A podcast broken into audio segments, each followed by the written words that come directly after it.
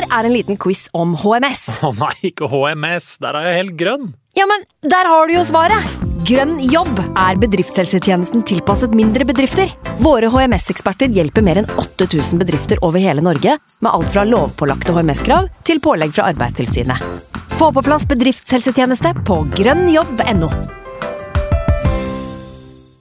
Hallo? Jeg kommer fra Oslo politikammer. Ine Jansen er purk. Er du purk? The motherfucking bitch. Alt jeg vil, er å finne ut hva som skjedde med mannen min. Jon Carew. Er jeg sikta for noe? Iben Akeli. Det er du. Ole So, Lars Berrum og Big Daddy Karsten. Hvem sin side er du på, egentlig? Anette Hoff, Tone Danielsen, Kommer du fra Afrika? Jørnis Josef, Nesten. Kløfta. Trond Espen Seim, Det er synd å si det, men det var feil mann som døde. Purk. Premiere tirsdag på TV2 Play. Nå har vi starta. Fantasy. God evening.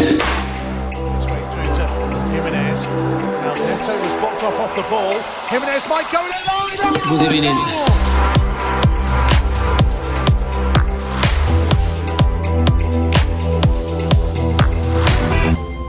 Hei og velkommen til en ny podkast med Fantasyrådet. Mitt navn er Franco, og jeg sitter her i dag med mine to freaks and geeks, Simen og Sondre. Hei. Hei. Hei, Franco. Den første av en quad med gjester som aldri har besøkt eh, Fantasyrådet tidligere, Oi. er vi i gang med nå. Eh, og dette er av de få som skiller seg ut på Twitter med positivt fortegn. For det er jo plenty med sure epler ute på det store internett. Men Andreas, du er en av de unike. Det er en glede å ønske deg velkommen. Hei. Tusen takk for det. Det er veldig veldig hyggelig. Andreas Eh, Homsen Ringstad, så tar vi fornavn og etternavn. Ja, det var voldsomt. Nei, det er veldig hyggelig. Jeg, jeg skjønner jo at jeg ikke er noe sånn trekkplaster for episoden akkurat, men da er det jo ekstra hyggelig å bli invitert. Ja, du, det er ikke, skal ikke på en måte legge lista høyt her, men det er jo veldig mange Veldig mange. Det er noen av episodene vi har hatt som har blitt de beste med folk som vi har liksom blitt kjent med, eller skjønt at vi bør ha, som ikke nødvendigvis er et stort navn fordi at de har vært på reality-TV, eller, eller på Nei, jeg, jeg tenker jo motsatt, at jeg skal på reality-TV nå etter at jeg har vært Dette er inngangen. Hvordan vil du være med på? Det er forræder, da. I så fall, ja. ja, ja, ja. Det er, det er nok en lang vei dit. Da. Ja, det, men jeg kan forstå valget. Det er jo Kommer en folkets deltaker på Forræder òg, tror du? ja, kanskje det. Eh, men du er United-mann. Det stemmer. Ja, eh, så det er litt sånn eh, i Bølgedal, jeg vet ikke hvor masse det humøret preges ut ifra prestasjonene på, på banen på Drømmenes teater. Nei, det, det er merkbart. Ikke noe tvil om det. Ehm, Så har det vært ehm, Altså, det har vært en fryktelig sesongstart, åpenbart. Eh, Samtidig så har det liksom vært litt I de første kampene så har man prøvd å liksom finne litt forklaringer bak, da. Eh, Og det har vært noen lyspunkter her og der, og så Uh, har man en Carabao Cup-kamp mot et ganske dårlig Crystal Palace-lag, B-prega lag. og ser liksom wow, kanskje vi nå virkelig skal få litt sving på det. Så jeg, så jeg var jo egentlig ganske fornøyd med å stå med både Bruno og Rashford inn mot denne runden, og så er det jo ting veldig annerledes nå. Så, det, så den kampen nå var egentlig den mest skuffende til nå for meg denne sesongen. Den og, og åpningskampen mot Wolverhampton, som jo kanskje er den dårligste kampen eh, Manchester United har spilt denne sesongen. Fikk med seg tre poeng likevel den gang. Eh, United blir jo et tema, så vi skal, skal selvfølgelig spørre mer om, eh, om det. Men vi kan jo ta Du har vært en eh, stabilt god fantasy Premier League-spiller. altså sånn, Det er ikke lenger et kriterium for å være med i denne podkasten, men, men eh, det, er, det, er, det burde jo på en måte gjøre at vi har litt kjøtt på beina, og du har litt kredibilitet, og kanskje også podkasten. For du har jo eh, Det er jo blitt så populært, og vi er bikka ti millioner også denne sesongen, og du har eh, levert stabil sesong etter sesong. Har du noen sånne sesonger som er dine favoritter, og hva på en måte føler du er nøkkelen til å ha stabilt gode sesonger? Ja, eh, det er gode spørsmål. Kanskje. Det, det skulle gjerne visst det. Eh, Det er, jo, det er jo noen sånne kjøreregler jeg har lagd for meg selv, og dette er ikke noe sånn hokus pokus. Jeg hører jo på Fantasyrådet selv og vet jo at dette er sånn mange spiller, men eh, jeg har jo stort sett landa rundt sånn 50 000 nå i, fem sesonger på rad.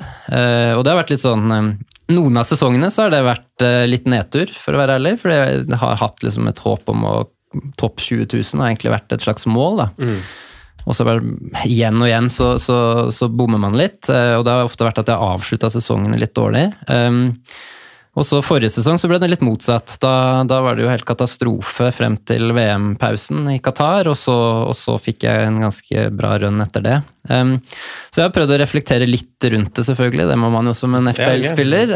Um, og jeg tror Jeg er jo en veldig sånn planlegger. Det, det er både av um, i FPL og, og ellers. Um, og jeg tror at det har gått i en liten sånn felle på uh, i noen sesonger tilbake, som jeg prøver å unngå nå, da, det, det er vel det at uh, at du planlegger for langt frem i tid, og at man binder opp. Og jeg ofte, det vet jeg jo er en gjenganger også, at benchboost-chipen har uh, egentlig vært en litt sånn mare for min del. At, mm. at jeg har endt opp med å planlegge for, for smart i eget hode, da. Og så misser man på, på det som skjer her og nå. Eh, Men jeg tror på en måte, hvis jeg skal oppsummere sånn hvordan jeg spiller, så er det det viktigste egentlig at jeg ser eh, alltid høydepunktene fra alle matcher. eh, Hvis jeg ikke ser kampene selv. Jeg ser Manchester United og Arsenal hver helg, siden jeg har en kone som er Arsenal-supporter. Og så har jeg nå mer justert meg, at jeg planlegger alltid sånn tre, fire, fem runder, litt avhengig av landskapet. Så har jeg en tentativ plan, bytteplan. Um, og så har jeg et notat på mobilen, enkelt og greit, som jeg bruker. Um, også med kaptein. Uh, og så er jeg jo mest på fictures, da. Jeg er jo en som spiller på kampprogram mm. langt på vei, i hvert fall. Og prøver å Jeg føler jeg har fått mer og mer utbytte av å angripe de dårligste lagene. Det er jo en litt sånn kjent eh, strategi, da, men, men du ser jo nå, eh, sånn som Luton og, og Burnley, Sheffield United altså, Du treffer ikke hver gang, for de kan jo mure igjen i enkelte kamper, men, men, eh, men du får noen sånn voldsomme topper da, hvis du treffer, og gjerne stå med to eller tre der. så ja, det, det er ikke noe mer hokus pokus enn en det, og så bruker jeg mye tid på, i mitt eget hode, rett og slett, å gruble. Eh, Jeg er jo en grubler, og for meg er det en veldig fin avkobling, da. Eh, Så det er ofte på toget til og fra jobb, ut ute og trille barnevogn. eh, Så kan jeg liksom gå og ha en eh, samtale oppi mitt eget hode, da. Eh, Diskutere frem og tilbake. Din egen lille podkast. Ja, ja, det er på en måte det. Eh, veldig fint. Det er fint å få delt eh, tanker fra noen som er stabilt gode. Du er jo også på wildcard, så vi skal jo høre på hvordan fullhjemsspillere du skal ha når de skal angripe Sheffield United. Eh, Simen, hvordan, har, eh, hvordan har runden gått for deg? Eh, Runden sånn isolert sett har vel egentlig gått ganske greit. Gjenstår jo en kamp, da. Ja, da, det gjør det. Eh, Den har egentlig gått ganske greit. Altså, jeg jeg to føler To kamper, To, ja, ja. faktisk. Sorry. Mm. Eh, Jeg glemte dobbeltmatchen der. Eh, Har en Morris en står på 50, hva blir det da, minus 2, 56 poeng. Uh, Føler at jeg blir uh, fortjent straffa her, etter å gjøre to tidligbytter forrige helg. Uh, var vel søndag kveld. Vi gjorde Chilwell og Jackson til Morris og, og Botman. Uh, Botman er ute en måned og får en minus to på første forsvarer der. Det er uh, fortjent straff et å gjøre to tidlige bytter som man ikke skal gjøre. Um, men jeg kjente jeg tjente 0-3, 0-4, så kan vi smile litt på det, da. Money in the bank. Money in the bank. Cash eller poeng? Nei. Så, Nei, så, så fram til deadline så ble det jo en sånn, for det ble jo mye prat forrige uke om at det var mye flagga spillere, mange us- småusikre, man var liksom usikre på hva som var status hos hver enkelt av de. Så Saka var jo en sånn spiller som gikk fra et kling kast til et kling 12 i løpet av eh, 24 timer der. Eh, Men det var egentlig vurderingen min fram mot mot deadline, om jeg skulle gjøre han til det som mest sannsynligvis hadde blitt Diaby. Eh, Jeg sto veldig mellom han og Bowen en periode, men det var det egentlig sto, det sto om. Eh, Botman fram til frist så var jo nesten signalene der at man trodde han faktisk skulle spille. Og så kom det rett etter frist så kom det en ok, Botman er ute kanskje en måned. Så, så den var selvsagt sur, men eh, grønne piler, eh, langt over eh, snittet. Hvor mange poeng har du? Eh, 56. 56. Eh, blendes jo litt av at man prata forrige uke med, med sånne som var på wildcard, hadde en kjemperunde, men, men det, det kan ikke jeg tenke på. Det var ikke jeg. Eh, jeg har fått en return fra, fra wildcardet mitt, så jeg er egentlig veldig fornøyd. Jeg. Rett og slett. Eh, 570 000. Nei, superbra! Bra, Simen. Superbra, Simen! Dette går veien, eh, og det går tidlig veien. Det er ikke så langt opp. eh, Sondre, det har kanskje du også fått kjenne på, for du har Ja. fått eh, wildcard-effekten. Du rir på en eh, bølge. Det var deilig å få denne her, altså. Umiddelbart. Ja, umiddelbar effekt. Og som jeg sa til Simen forrige mandag, at man, jeg så motivasjon da, i at man kan ta bygst på én runde, og så fikk jeg det allerede nå på wildcard, så det var godt. Eh, 74 poeng og en god grønn pil opp til eh, 700 000 overall. Eh, men det var godt å wildcarde. 700 000 overall. Da har du hoppa langt. Ja, Da har du hoppet fra to millioner. to eller millioner et eller annet, ja. Se. Så det, det, det går, det. Det er, ganske små poeng som skiller, da. Det har vi snakka mye om. Men uh, det var godt å wildcarde, og det var jo gjennom uka så ble det liksom fra å kanskje føle at man hadde hasta wildcarda i, eh, i litt affekt søndagskveld der, så, mm, så er du inne på det, Simen, at det, det hagla jo med flagg gjennom uka. Så jeg, fikk liksom, jeg følte nesten at det ble gjort noen tjenester. Og så snudde jo det igjen til at det kanskje ikke var noen tjenester, for Saka spilte og Madison var klar og de tingene der. Men eh, jeg hadde med Madison av de to.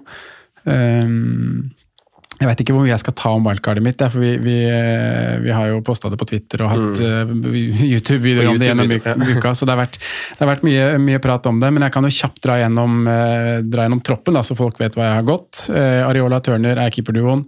Cash Trippier Caboret står som en treer bak nå. I tillegg til det så har jeg Stupinian og Udogi på benk. En midtbane av fem spillere som er Diaby, Son, Bowen, Gordon og Madison som, som var benka denne runden her. Alvarez, Haaland og Morris på topp. Så den store, store vurderinga for oss forrige uke på Wildcard Franco var jo om vi skulle gå Sala eller ikke Sala. Mm. Og jeg endte jo uten, da. Og fikk spredd midlene godt i, i en fin tropp nå og har mye penger i bank, så jeg kan oppgradere Morris eller oppgradere Gordon. Det er litt uvisst ennå hva jeg kommer til å gjøre, men det skal vi snakke mye om i dag. Og vi kommer sikkert til å ha en ny runde på Mo Salah, No Salah, i og med at du er på, på wildcard her. Ja, sant. Jeg, jeg liker veldig godt, Vi kan ta selve diskusjonen på det senere også, men jeg liker veldig godt ideen om at vi er mer på en tropp nå enn vi noen gang har vært tidligere. Mm. Um, jeg følte jeg lyktes litt med det, som var litt tilfeldig egentlig at det ble sånn. Men nå er jeg bare én spiller som egentlig aldri vurderes i, i elveren. Jeg ser jo på laget ditt også, det blir jo det samme scenarioet egentlig fra neste runde for deg, med at Caboret forblir ute på den bakerste benken. Mm. Uh, og per nå, så Du gjør jo sikkert noe med Morris en eller annen gang, men, men ellers så har du jo resten av utspillerne dine kan du egentlig sjonglere på et vis. da. Ja, og så er liksom, Det er ganske bra lagt opp nå. At det, det sier seg, Selv om de kan spille, så sier det seg litt hvem som skal benkes. Mhm. Estupinian mot Liverpool er grei å benke. Uh, ja. Så, så har vi gått fra en 12 til 14-mannstropp i sånn uh, tankesettet vårt. I tillegg så har vi blitt gitt gavepakker da, med at du går jo to keepere som er 4-0 her. Mm. Uh, det scenarioet har vi jo ikke hatt før, tror jeg.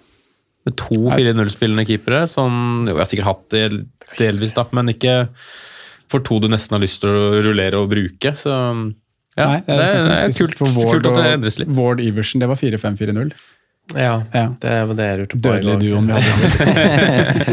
Ja, det Men ja, da, det, det, er jo, det har skjedd en forandring der. Det handler jo om at vi har jo mista de her fire-fem midtbanespillerne som vi spiller, i tillegg til at prisene på de i midtsjiktet har blitt skrudd litt ned da, fra tidligere år. Så du har over 70 poeng, da? ja, 76 poeng. Å, fint. Nei, 70, 74 poeng. Ja. Ja.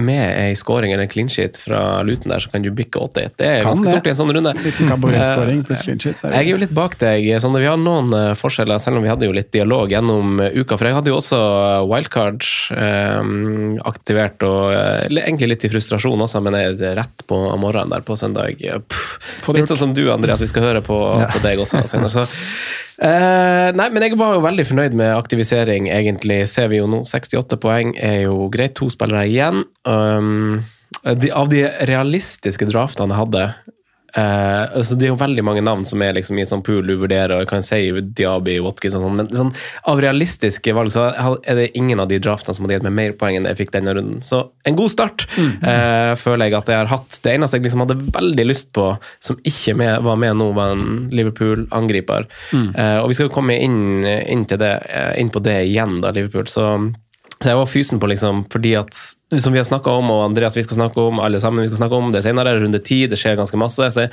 jeg ville liksom ha en fot inne i Brighton, Villa, Liverpool, og også egentlig gjerne Arsenal, fordi at fra og med runde ti så har vi sikkert lyst på to fra alle de lagene. Eh, så jeg hadde liksom lyst til å ha en eller, eh, en eller to fra dem allerede nå, da. Så, så jeg har jo en plan, tentativ plan. Like, det du sa i stad, Andreas, var veldig det jeg liksom gjorde som at jeg ikke landa på Sala denne gangen. At jeg skal ikke tenke fra og med runde ti nå. Hallo, jeg er i runde sju. Så da tenker jeg jeg tror at uavhengig av United sin form, at Bruno Fernandes kanskje gir noen flere poeng nå. Så gikk Bruno Fernandes fordi at det er lettere å strekke seg til Sala for min del hvis vi hvis jeg skal gå, gå dit istedenfor Darwin eller Luis Diaz, som kanskje kan være hete navn nå i lys av situasjonen i Liverpool og osv. Så, videre. så dette skal vi eh, komme tilbake til eh, etter en eh, bitte liten eh, breaky. Greit. Vi har eh, fått en sylteagurk eh, servert til oss av eh, Erik Nes Onsdag, som eh, kanskje også må komme på besøk en gang i løpet av eh, sesongen. Eh, vi har også På spalten i dag så har vi algoritmelaget vårt, som foreslo noe helt hårreisende underveis i runden, i hvert fall på papiret for meg. Eh, vi har en intern konkurranse som jeg syns er veldig aktuell. Det er i regi av meg, som jeg syns er veldig aktuell. Sett, sett opp et wildcard-lag. Veldig aktuell for, eh, for runden, så folk må faktisk følge med på den. Og på perrongen har vi en eh, spennende eh, turneringsformat denne gangen. Men sylteagurken som innleda, er servert av Erik. Sylteagurkmannen Erik. Eh, Han eh, har Rashford i eh, jaren, Andreas. Har han vært i den før i år? Det tror jeg ikke. Han har kanskje ikke det. Nei. Nei, det var kanskje ikke. Han har vaka litt sånn utenfor, ja. det litt ja. Men uh, vår venn Erik han stiller spørsmålstegn til Rashford og United. Uh, Andreas, Det er jo litt sånn tilbakevendende tema, men United har jo av en eller annen grunn ganske gode underliggende tall. Eh, og, så, og så feiler de litt på, på synsundersøkelse, Andreas. Hva er dine tanker, sånn overordna tanker rundt United, og på wildcard, ikke minst? Hva er dine tanker rundt det? Ja, nei, det, det er jo litt sånn at uh, ting snur jo fort uh, i FPL også. Uh, jeg, jeg, var jo veldig høyt oppe inn mot helga. Jeg visste at jeg skulle hit på mandag. og eh, så at Sondre og Franco hadde trykka på wildcard, og jeg skulle spare opp to bytter. Og, og var veldig happy egentlig med at folk kvitta seg med Rashford og Bruno, eller i hvert fall én av de. Trodde egentlig at ting skulle snu litt. Um, var nok mest Og det kan jo være lett å si nå, da. um, Men jeg var, jeg, hvis jeg skulle valgt mellom de to, så hadde jeg nok vært kanskje hakket over på Bruno. uh, og, og, men jeg hadde, jeg hadde ikke sett for meg at Rashford skulle være sylteagurken uh, nå heller, for å si det sånn, da. Men, men han er jo en spillertype som Altså han, dette har jo vært litt Rashford sitt problem, egentlig.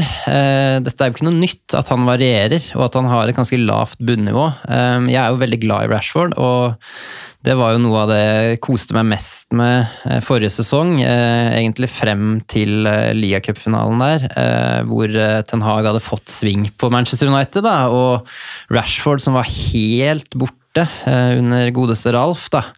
Eh, Nå var han eh, liksom tilbake der han skal være, og, og har han virkelig tatt steg. Um, og så er han fortsatt en spiller som er, veldig avhengig av å være i flytsonen.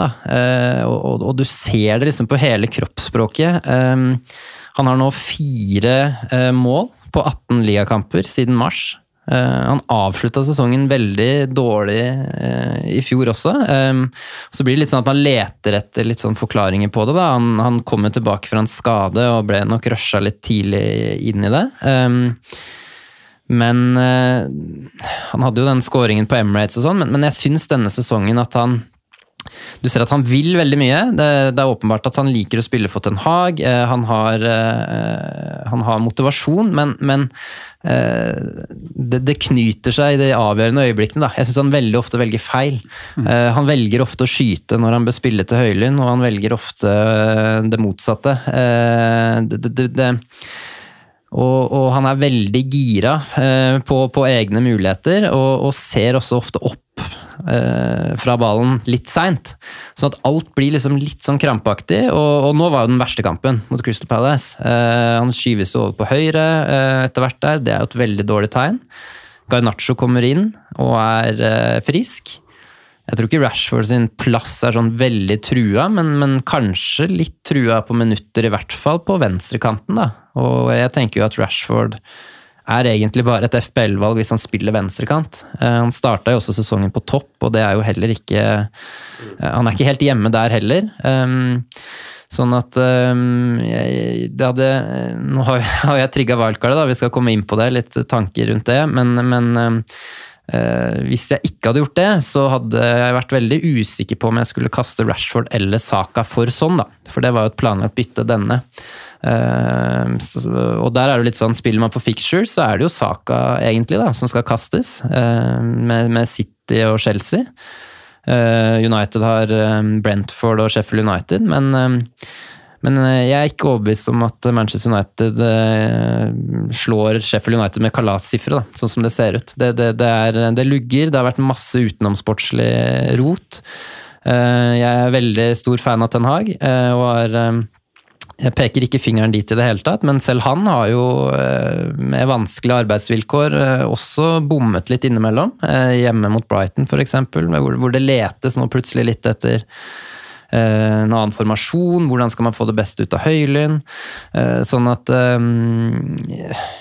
Sitter man med det, så er det vanskelige avgjørelser, men hvis man er på wildcard da, eller, eh, eller ikke sitter med det, så er det jo veldig lett å bare tenke at Manchester United er, er venter vi med da, til, til ting har løsna. Uh, ja. Ja, det har egentlig vært min approach sist, siden jeg wildcard er runde fire. At jeg gidder ikke å ta det med meg nå, men at jeg sitter klar der på triggeren hvis det liksom skulle snus øh, ganske raskt. da. At man, ok, det er greit å gå litt da, men du har jo spurt meg nesten hver uke siden da, faktisk. når vi har sittet her, Om man føler seg nervøs for det? Nei, Man, man har, har ikke gjort det.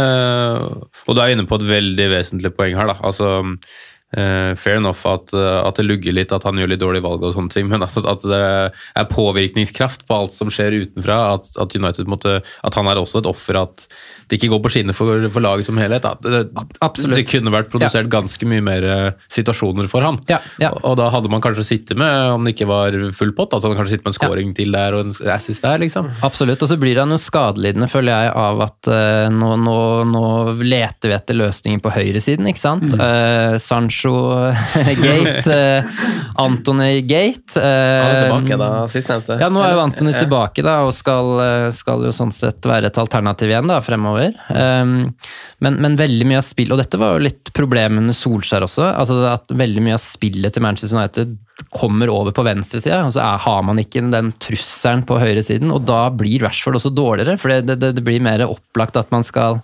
Mye av angrepsspillet går ut på å sette opp Rashford hele tiden. Um, og så tror jeg at um, Eh, Høylund inn. Eh, det er kanskje litt sånn undersnakka akkurat det. Altså, eh, han hadde et veldig positivt innhopp eh, mot Arsenal. eh, og jeg er veldig, veldig fornøyd med Høylund inn. Eh, det er jo en helt annen presence enn Martial. Men han skårte ni mål da, eh, i Serie A eh, for Atalanta. Han skårte ni mål for Storm Gras. Det er jo ikke et ferdig produkt som kommer inn. Dette er ikke en ny Erling Braut Haaland per nå.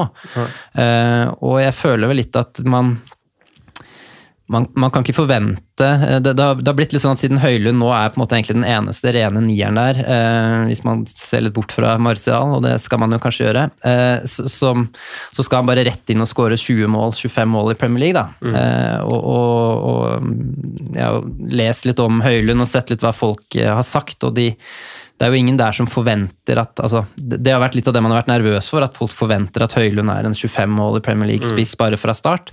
Så jeg tror det, det, Man ser det litt på det samarbeidet mellom han og Rashford også, at Rashford veldig leter nå litt etter Høylund også, eh, i noen situasjoner, og så går han veldig eh, på egne sjanser andre. Så, så det samspillet der vil jo sikkert bli bedre, men, men det lugger også, og, og summen av alt gjør at, eh, at, at Rashford eh, ja, han ser frustrert ut. Eh, jeg, jeg er ikke helt enig i noe av det kritikken som har gått på at han ikke jobber. Jeg syns for så vidt at han løper, men, men han, eh, han, han er ikke i flytsonen, rett og slett. Og han er en spiller som er helt avhengig av, av flyt for å, for å levere målpoeng. Mm, dine tanker, Sondre, da, som er, som er uten, uten Eller én ting, er Vil Bruno fortsette i en avansert rolle, tenker du?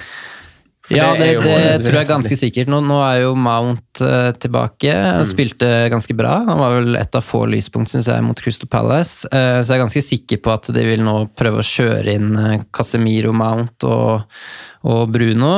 Eventuelt Amrabat inn i miksen Mm. i noen kampbilder, kanskje. Men, men jeg tror Bruno vil spille tier, og, og gjør han ikke det, så er det mest sannsynlig ut til høyre. da. Men nå kommer jo Anton inn igjen, så, så jeg, jeg ville ikke vært bekymra for at Bruno skal ned som en av de to, som skjedde et par ganger i forrige sesong. Og hadde jeg hatt Bruno Fernandes i laget, så hadde jeg ikke vært så stressa med det. Han, han eh, Selv om Manchester United ikke skaper sånn veldig mye mot Crystal Palace, så er det jo nære et par ganger, og da hadde det, var, det var, kunne fort ha blitt en assist da, på Bruno nå sist. Eh, sånn at eh, jeg syns casen er litt forskjellig på de to, eh, og jeg tror Bruno vil nok plukke jevnt og trutt, nesten uansett form for Manchester United som lag. Da. Det, det har han gjort hele veien, bortsett fra når Cristiano Ronaldo sto fjellstøtt på topp der. Um, så ja, jeg tenker Bruno er nok et godt valg fortsatt, men, men, men det er jo så mange gode valg på midten, eh, sånn FBL-messig, sånn at eh, ja, på et wildcard eksempel, så, så,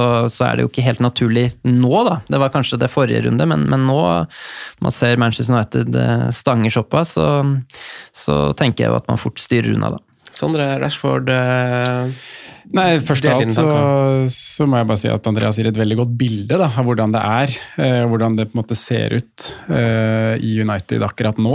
Eh, for meg så var det, det var et vanskelig valg å gå uten, eh, både Rashford og Bruno, men det passa på en måte ikke inn i i det som var eh, min bytteplan da, opp mot Gameweek 10, og hvordan jeg skulle klare å sitte med, med det ideelle laget inn i eh, den ti-runden som jeg, hvor jeg, syns det er veldig mye fine midtbanealternativer. Eh, med den trekampersrekka United gikk inn i, eh, med Palace hjemme og, og Brentford og Sheffield United. Det, er som du skrev på, på Twitter før runden, Andreas, at jeg ser for meg at både Bruno og Rashford stikker av med en tosifra sum i løpet av de tre. Eh, så jeg, jeg ville på en måte involvere meg, og jeg har også sittet med en følelse hele veien om at det på et eller annet tidspunkt skal, skal løsne. Da. For du vet at uh, hvis vi snakker om Rashford, så vet vi at det er en spiller som har det i seg, som hadde en enorm uh, streak i løpet av sesongen i fjor, og som også har uh, det vi som fantasy-managere liker veldig godt. At han har den Han er jo en egoist, og det er sånn som du sier nå, at han, han tar kanskje de feil valgene, da, men eh, Vi liker det. vi liker, ja, vi liker jo at han prøver å skyte da istedenfor å spille til Høylund. Eh, så Han er jo ekstremt opptatt av det nå, å få at det skal løsne litt foran Ja. mål. ikke sant? Så han, han skyter jo på, på veldig mye. På alt, ikke sant? Og det, det har vi snakka mye om også, hvordan han har de beste eh, de underliggende tallene av midtbanespillere når det kommer til akkurat det der, da, å løsne skudd og løsne skudd i boksen. Og så har han ikke så høy Han har ikke så høy XG Sammenlignet med andre spillere som skyter masse, så har han ikke så høy XG. Han er, er kanskje den som har skutt nest mest, eller noe sånt kan det stemme, i boksen, men så er ikke skuddene hans å vurdere til så store sjanser som eh, noen av de andre i toppen. Nei, hvis du sammenligner den med Han dunker jo til fra hjørnet av 16-meteren. Det er nettopp det, er litt spisse vinkler og Jeg, jeg, jeg sånn sitter jo ikke med følelsen nå har jeg jo sett alle kampene, og jeg, jeg sitter jo ikke med følelsen av at Rashford er eh, altså fra øy, rent sånn øyetestperspektiv, at han er veldig underbetalt. Jeg, jeg føler jo at han har tatt en del sjanser som det, det skal godt gjøres å score på. da. Selv, selv den på Emirates er jo på en måte Ja, det, det, er jo en veldig fin scoring, da. Men, Men av midtbanespillere så har den nest beste XG-en i Open Play. Det har den. Ja, ja, av midtbaner, da. Men jeg tenkte på hvis du ser Men det på blir jo en sum av antall eh, småsjanser, antageligvis. Altså, Mindre sjanser, antageligvis. For han har jo han har nest flest skudd i boksen, bare Haaland som har skutt mer i boksen enn han. Men hvis du ser på expected goals uten å inkludere straffer, så er han 12-13. Eh, og da inkluderer du spisser, selvfølgelig. Altså, du har Jackson, Bowen, Watkins Ja, han har og kun Buemo små foran seg av, uh, av midtbaner. eh, Ja, det har han kanskje. Bowen. I hvert fall på expected goals uten straffe, men det er jo uh... Ja, når jeg Open Play og uten straffer er kanskje to forskjellige ting. Ja, kanskje det. Fordi med Open Play så tar du også bort cornere og frispark, Ja. og det vil gi Bowen litt høyere Ja, kanskje det. Men ja, nei, det er flisespikkeri, da, for så vidt. Men, uh, men konklusjonen her er jo Uh, jeg, har, jeg, jeg fikk jo på en måte litt tur på mitt valg med å gå uten nå, og som du sier at på wildcard nå så er det jo ikke noe som er prioritert i det hele tatt. Men er det et prioritert salg denne runden? Med, altså, vi snakka litt litt før studio. da må vi tilbake til hva, vi skal inn, hva som skal inn den runden her. Da. for Tottenham. Da. Eh, det syns jeg det er. Ja. Det synes jeg faktisk at det er. For jeg, jeg syns United sin kamp også på papiret er fin. Brentford har også hatt en nedadgående. Syns jeg, jeg synes han var ganske svak egentlig mot Forest også nå. Altså, 1-1 jo hvis, du, hvis, du fortsatt fair, sånn- hvis du glemmer at Burnley eksisterer bitte litt, da, så møter de de fire dårligste lagene i ligaen i løpet av neste seks. Ja, De har City imellom der, eh, som blir en slags sånn der Hvis, Ja, de ikke, hvis ikke formen har snudd, da, så selger man til City. Hvis ikke, så beholder jeg Bruno Fernandes igjen. nå. Sheffield Men det er forskjell på Bruno og Rashford, da, syns jeg. Ja, det er det kanskje. Enig med. Ja. Mm. Så det, det, det jeg egentlig skulle sitte med um, inn som dilemma eh, nå, var jo om jeg skulle ta ut For jeg har ikke sånn, da. Altså Nå er jeg på wildcard, så nå har det blitt litt annerledes. Men jeg har jo Så ikke nå har du sånn. ja, nå, nå har jeg sånn. men han skulle jo egentlig inn denne runden, eh, og så var jo planen at Saka skulle ut. da. Men den tror jeg hadde syntes vært vanskelig nå, om, om eh, skal du velge Hvis du sitter med både Rashford og Saka, da. Mm. Hvem av de skal du ta ut for sånn? Si at eh, du skal ha en sånn. Den Da syns jeg er litt tricky, for da får du litt denne form mot fixture-varianten, da. Mm. Eh, Arsenal møter jo et altså De møter jo et City-lag på et veldig fint tidspunkt, da. Mm. Uten Rodry og ganske liksom Uten Rodri. jeg tror, ja, ja, men- ja, men det, det er noe mer skader som er bare Stones. ikke uh, Stones. Og liksom akkurat den sida føler jeg også er ei bedre side. Altså, du vil ikke ha Saka mot Kyle Walker, liksom. Eh, så jeg føler, jeg Men skaden til Saka kan jo avgjøre den litt òg. Ja, det, kan de det er jo selvfølgelig med. Jeg tror, jeg tror Arsenal skårer mål Vanskelig å mot lese både på City og Chelsea, og så blir det superbra. Har det kommet noen mer nyheter om Saka? Et etter? Nei. Nei, så det var liksom mer at han, han spilte nå. Han spilte vel også 90, eller ble han bytta rett før? Han ble bytta ut rett før. Men, men, men han tar bare straffe på Emirates, han? Eller? så har han begynt å dele ut på Det var, bortebane? det- det var så irriterende når liksom folk begynner å kaste han, og så er det to straffer, og så er det ikke Ja, og så tar han opp altså det, Nå vet jeg jo det har blitt en sånn greie, men han tar opp ballen nå. Og Ja. liksom, så, så jeg sitter jo der foran skjermen og bare Yes! Nå Ja. sitter han og så bare Nei, da Ja, ja lenge. Ja. Og så Kai Havertz. Men det der er jo sånn der Geir eh, Jorde-triks, så kanskje han har lest ja. tweetene Ja, hans. sånn Ja. eh, spotlighten fra den faktiske straffetakeren. Ja, det er den nye moten, å gjøre det, ja. Ja.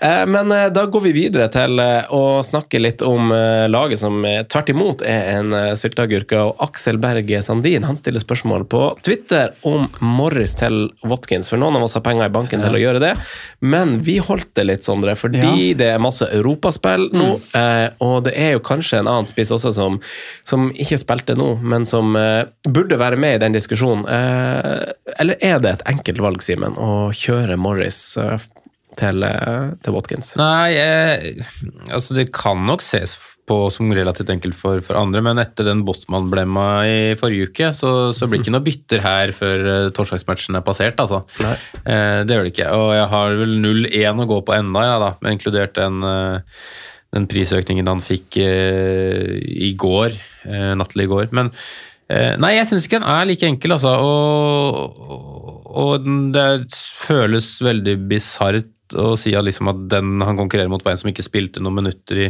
i helga. Men der fikk vi jo på en måte eh, dobbel årsak til at han ikke kom på banen. Altså Først med det at han hadde fått en smell på, på trening eh, dagen før, og at han ikke følte seg klar til å, til å starte. Og i, i andre scenarioer hvor du sitter og ser at han blir gjort klar, sammen med Trent, er det vel, og, mulig i Konaté, rett før Diogo Jota får sitt andre, andre gule kort. og da Eh, har jo ikke Liverpool noe annet valg enn å sette på to blokker og be til Gud om at eh, Tottenham ikke finner veien til mål. Men, eh, så han fikk ikke noen minutter nå. Men med skaden på Cody Gakpo, da eh, Som er ute noen uker. Several weeks ble jo meldt. Eh, Så det er liksom ikke tilbake etter landslagspausen. Nei, Det var som- superpositive nyheter ut fra hva jeg så. Altså. Jeg frykta lenge der, jeg. Altså. Det så skikkelig mm, guffen ut. Så får vi se da hva several weeks eh, er. Eh, Noen ganger så føler jeg at um, de several weeksa når det gjelder Liverpool-spillere, er ofte ganske lenge. Altså.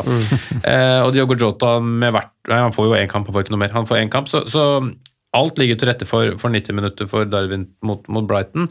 Problemet med å ta inn Darwin er jo ikke runde, runde 9.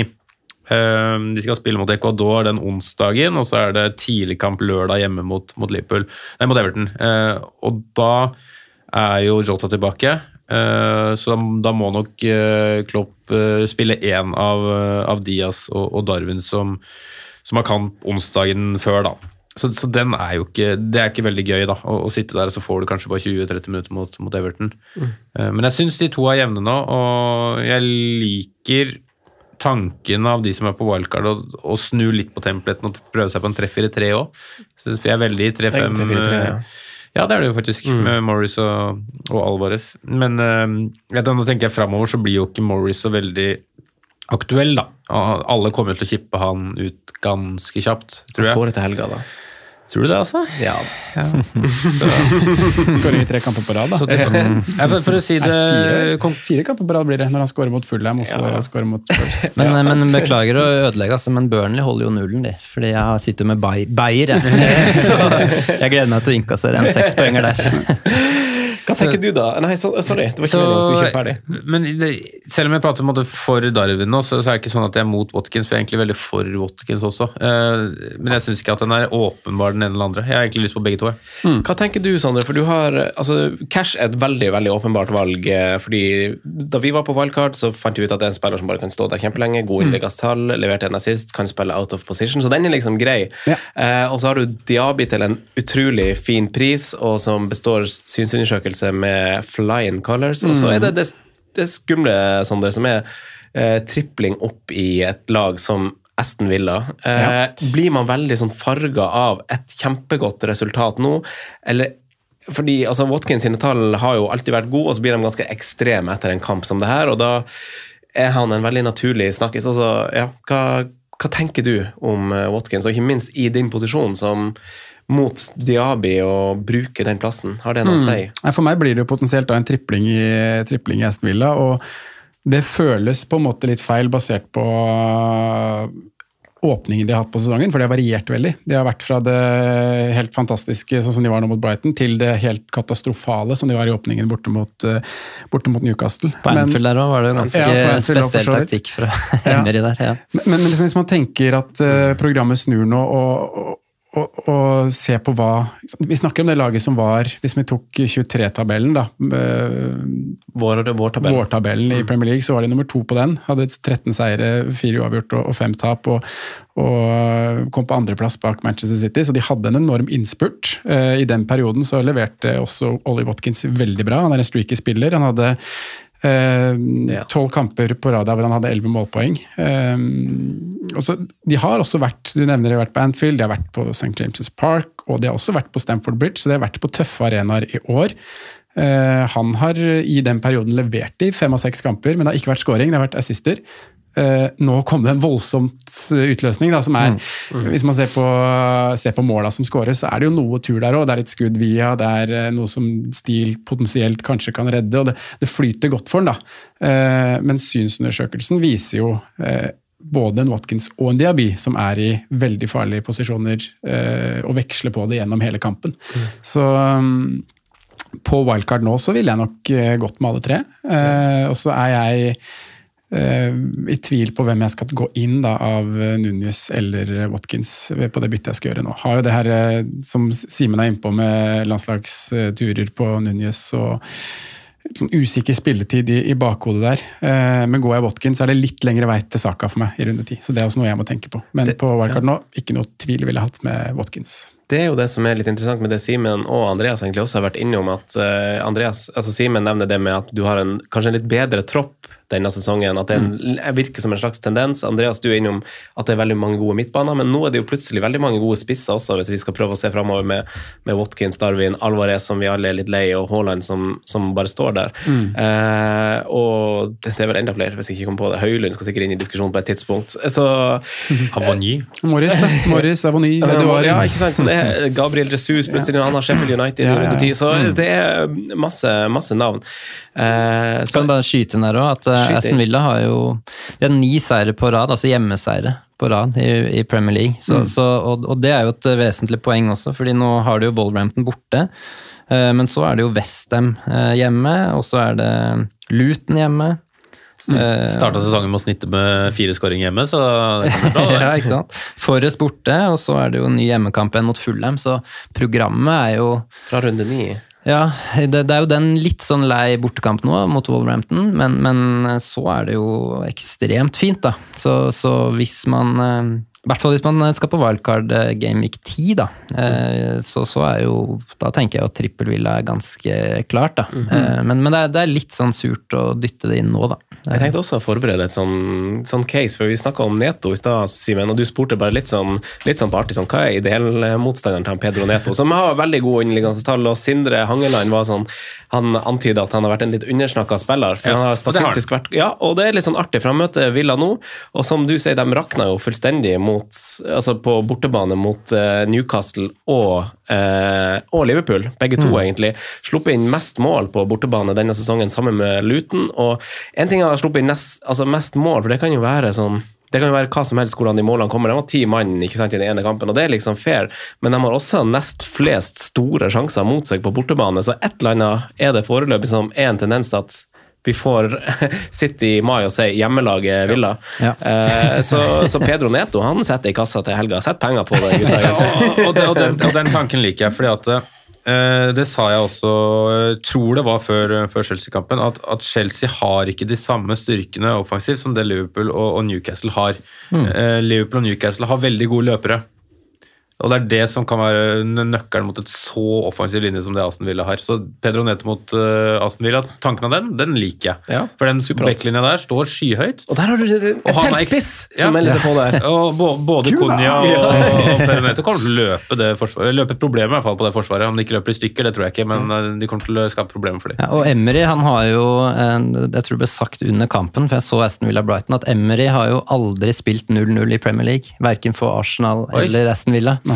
Så, og, og det ser man jo litt med noen av de Han er jo en veldig god taktiker, men jeg føler noen av disse bortekampene så, så er det veldig stor risiko med den høye forsvarslinja. Jeg syns jo særlig på Anfield, da, hvor eh, Trent sto bare og pælma ballen bak, liksom. Ja, det var, det var og det ble jo ikke, det ble jo Nei, ikke nei, det var- justert, Det var, helt spennvilt å se på, ja, ja, faktisk. ja.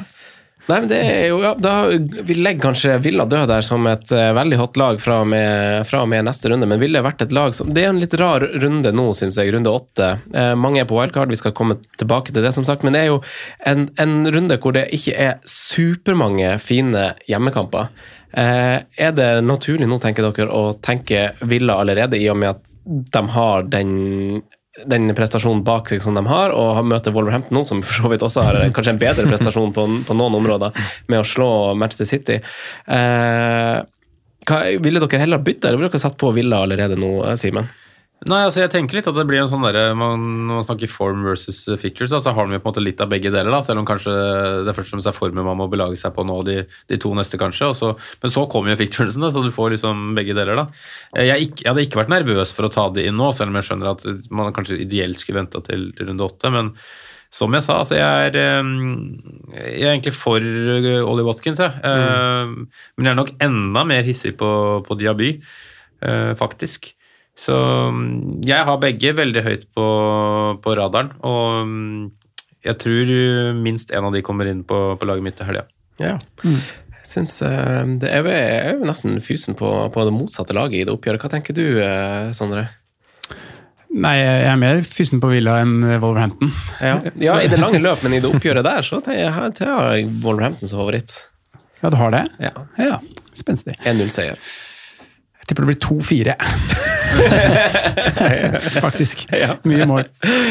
Nei, jeg ville også prioritert Villa denne runden her. Jeg synes, Men heller det enn å spare? Ja, det kommer litt an på hva du skal skitte ut, og hva som er? Spille Morris mot Tottenham eller kjøpe Watkins. Den er jo litt småclose, rett og slett. Mm. Um, Altså, må ikke glemme verdien av å ha to bytter i en landslagspause det også, er hvis du nettopp det. Mm. Så det er jo verdi å spare bytte, det er det jo alltid, på en måte. Men uh, mange har vel på en måte sett for seg at det her Morris-puntet, det, det var kun den ene runden. Eh, men hvis han igjen nå mot Fulham, nei mot Burnley, mener jeg, eh, leverer målpoeng og er så farlig for Han, han skårer mål, men i tillegg til det så har han jo et skudd i tverrleggeren og har eh, farligheter utover det og nå mot Everton. Så hvis han igjen gjør det nå i midtuka, så å gi han Tottenham hjemme, det er ikke krise det, hvis da alternativet er å, å spare det byttet, da. Jeg tror jeg kaster den selv med hat trick. jeg, Altså. Du er jo glad i å bytte, så det, det skjønner jeg. Hva tenker du, Andreas? Eh, Spare eller Villa, hvis vi ekskluderer Tottenham fra ligninga, gitt at folk har på en måte Ja, og ekskludere Ja, ja. Liverpool òg, da, for så vidt. For det er jo vel så Ja, ikke sant? Ja, jeg tenker i hvert fall at det er en forutsetning å ekskludere Tottenham. Da, for jeg tenker jo at i hvert fall hvis det var wildcard i bakhånd, så ville jeg jo prioritert å stå med tre. Tottenham nå, eh, Luton. Eh, det er såpass fin kamp. Um, jeg tror nok eh, jeg hadde kanskje heller spart, altså, for å ha to bytter, enn å sette på en Villa-spiller nå, med tanke på landslagspausen. Det er så mye, det er så mye som kan skje der, føler jeg. Det, det, det, du ser jo litt på skadeomfanget rundt omkring. Eh, nå er jeg kanskje litt prega, da, fordi jeg er Manchester United-mann, og det er jo bare rent på med skader. Eh, så, så den syns jeg er vanskelig, for det er, så, det, det er mye som kan skje. Det, og det er jo lag, lagavhengig, selvfølgelig, eh, hvem, hvem skal ut. Men eh, jeg føler jo ikke at Aston Villa er veldig prioritert inn denne runden isolert sett, så det, det avhenger jo av, av eh, hvordan du står, men hvis du har brukt wildcardet allerede, så da tenker jeg, da syns jeg det er forståelig. Da, da, da kan du fort få noe mot Wolverhampton også, og så etter det så er det jo veldig, veldig fint, da. Vi skal bevege oss litt mer inn, eh, forsiktig, ett steg av gangen, inn i eh, wildcard-land. Og eh, det første, for det er jo veldig mange sånne, vår plan var jo også å aktivere wildcard denne runden. Vi framskyndte det litt og kom godt ut av det hittil. Eh, men vi, altså, det første steget i en wildcard-prat er jo alltid Sala. Eh, og Lars Melangen han antyder jo at Brighton, som du egentlig sa, Andreas, også da vi planla episoden litt, de er litt ustø bakover. Det vakler litt. Uh, og er det noe galt i å sette på Sala nå, Sondre? Det er aldri noe galt i å sette på Sala. Det er vel eh, det enkle svaret på det spørsmålet der. Men eh, som for oss, da, så ser jeg for meg at det er en del av liksom, det vanskeligste valget du må ta på wildcard. Skal du gå med Mo Salah, eller skal du, skal du droppe det og, og, og spre midler? Jeg trodde jo at jeg kom til å ha med Salah på wildcard. Eh, når jeg satt uka i forkant og, og drodla da, så, så tenkte jeg liksom at wildcard aktiveres nesten litt for å komme seg på Salah og de kampene som kommer nå.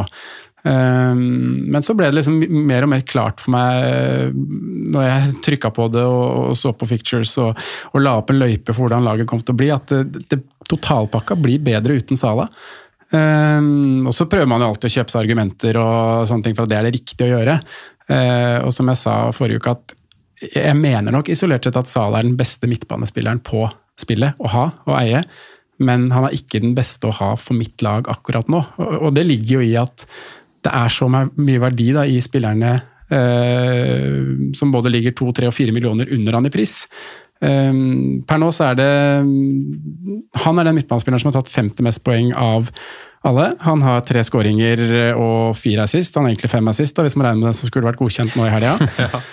um, rundt så ligger Bowen, Ødegaard, Mitoma, Mbuemo, Neto, um, Saka. Uh, og det er liksom, Vi har akkurat nettopp snakka om spissene, så det er verdi som også som begynner å vise seg ganske klart i et spisslandskap som ligger under han i pris. Um, så, treffer man på timing da, av de spillerne der, så mener jeg at man får en bedre totalpakke uten Sala. Og så er spørsmålet trenger man Sala nå fordi han skal kapteines i noen enkeltrunder. Uh, og det var jo det jeg trodde at jeg kom til å trenge. Uh, spesielt runde 10, 12 og 14 var det vel jeg så på. Uh, runde 10 så skal Erling til Old Trafford, 12 er det Stamford Bridge og 14 så er det Tottenham på hjemmebane.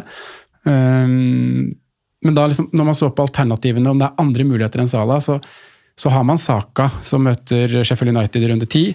Uh, han har også Burnley hjemme i runde 12. Um, hvis man vil se andre veier i runde 12, så har jo Watkins som vi har om nå, Fullheim hjemme. Og, og, Rashford og Bruno har Luton hvis, hvis det er blitt bedring å spore der til runde 12. Um, og I runde 14 så tror jeg jeg kommer til å kapteine Haaland på hjemmebane uansett, altså, selv om det er Tottenham de møter. Og Det er ikke sånn at eh, Haaland borte mot United eller borte mot eh, Chelsea er et dårlig alternativ, det heller.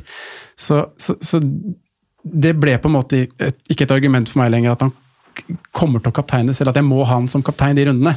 Kan godt hende jeg hadde kaptein han hvis jeg hadde eid, men det er ikke noe must å ha han i runde 10, 12 og 14 for kapteinsaspektet. Um, og så er det kanskje det siste argumentet som som har gjort meg komfortabel med å gå uten. Uh, og det er jo det vi ser av han som asset akkurat nå, da. Uh, igjen så får han jo Eller igjen så burde han hatt målpoeng på det som er en uh, assist. han kunne hatt to assister hvis Luis Diaz hadde sklidd inn den som kommer litt etterpå, vel. men det er på en måte det vi ser av han i år. At han er en mer tilrettelegger, en mer playmaker.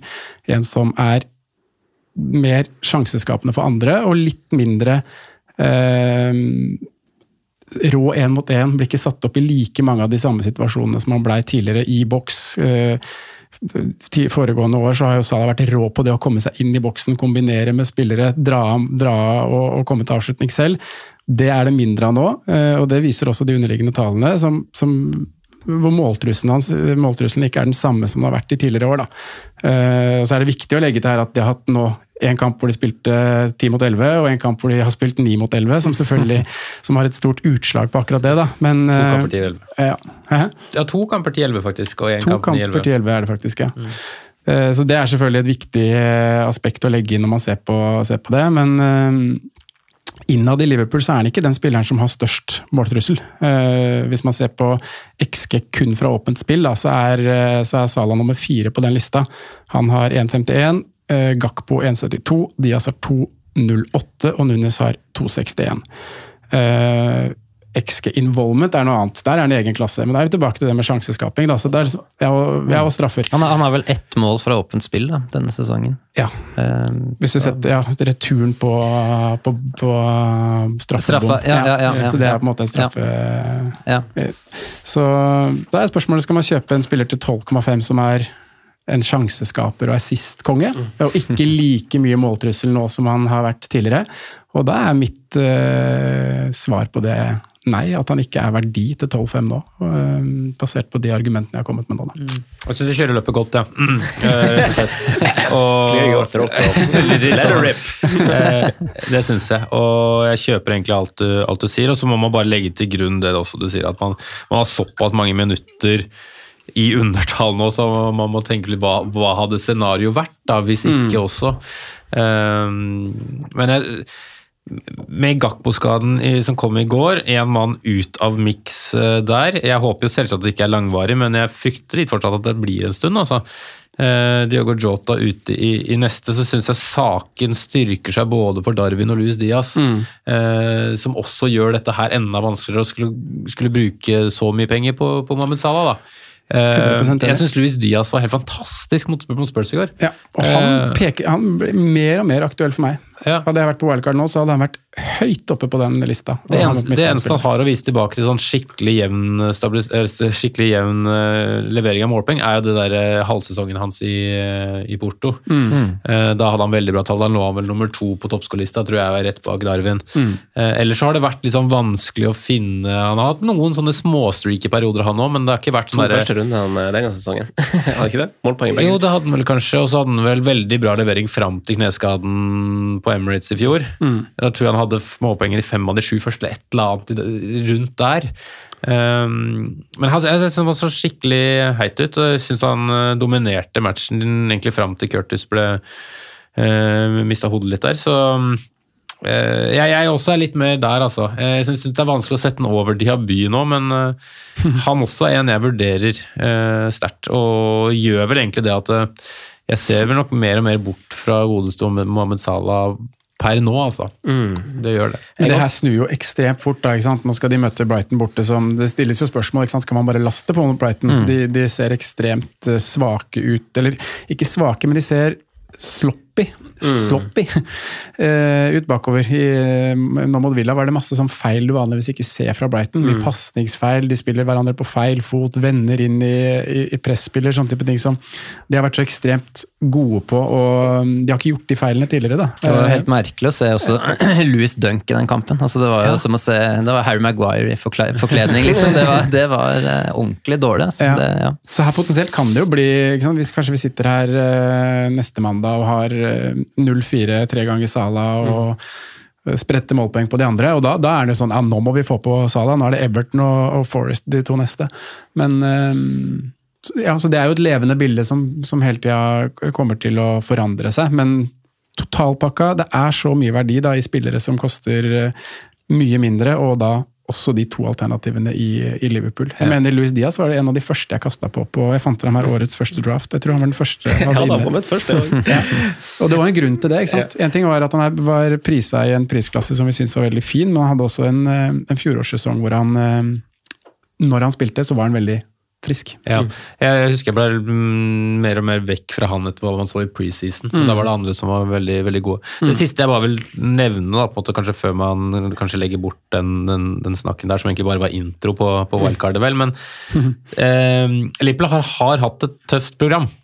Eh, Det har ikke vært veldig mange kamper hvor det har vært sånn der, altså, Kall det 1-20-1-15-oddsere, da.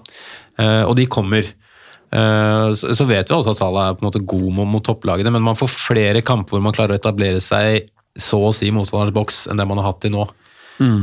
Som jeg tror kan være fordel Salah, fordi da blir ikke løperommene til Diaz og Darwin kanskje like store. Da blir han mer sånn Kanskje bo litt på hjørnet av 16, da. Og kan få mer den derre 1-2, fire noe skudd, eh, komme på returene sine, som han er god på. Så det kan være at, som du sier, da, at det, snur seg nå ganske fort, når man, hvis man får et par sånne kamper. da. Um, Everton hjemme, Nottingham Forest hjemme, Luton borte og Brentford hjemme er jo runnet etter eh, landslagspausen. Det kan være, det kan være et Salah-run, altså. Absolutt. Absolutt. Eh, Jeg hadde forberedt masse tall, jeg også, men det er fair. Men det jeg også beit meg merke i, er jo de gode tallene til de andre to spillerne som har eh, Som jeg vil bare sa var bare sånn De har spilt masse mindre. Han Ja, Darwin det- Nunes har spilt 219 minutter. Eh. Sala har spilt 594. Luis Diaz 5 454. Mm.